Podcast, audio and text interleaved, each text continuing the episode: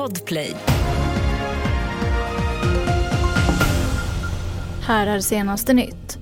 En kvinna i 20-årsåldern har blivit överkörd av en dumper på LKAB i Kiruna i natt. Det här rapporterar NSD.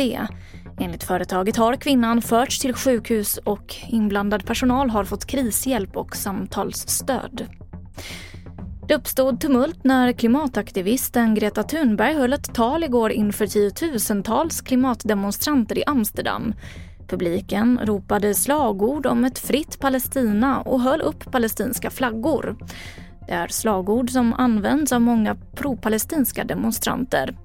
Mitt under Greta Thunbergs tal stormade en man fram på scenen och tog mikrofonen från henne. Kriminaliteten kostar företagen nästan 100 miljarder kronor om året. Det här visar en ny rapport.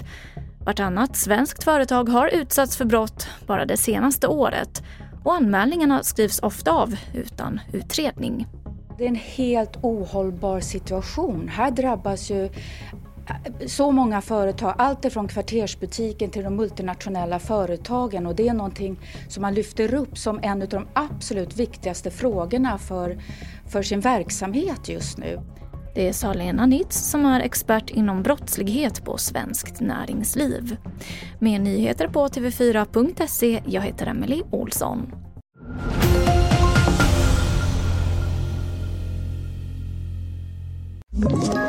Ett poddtips från Podplay.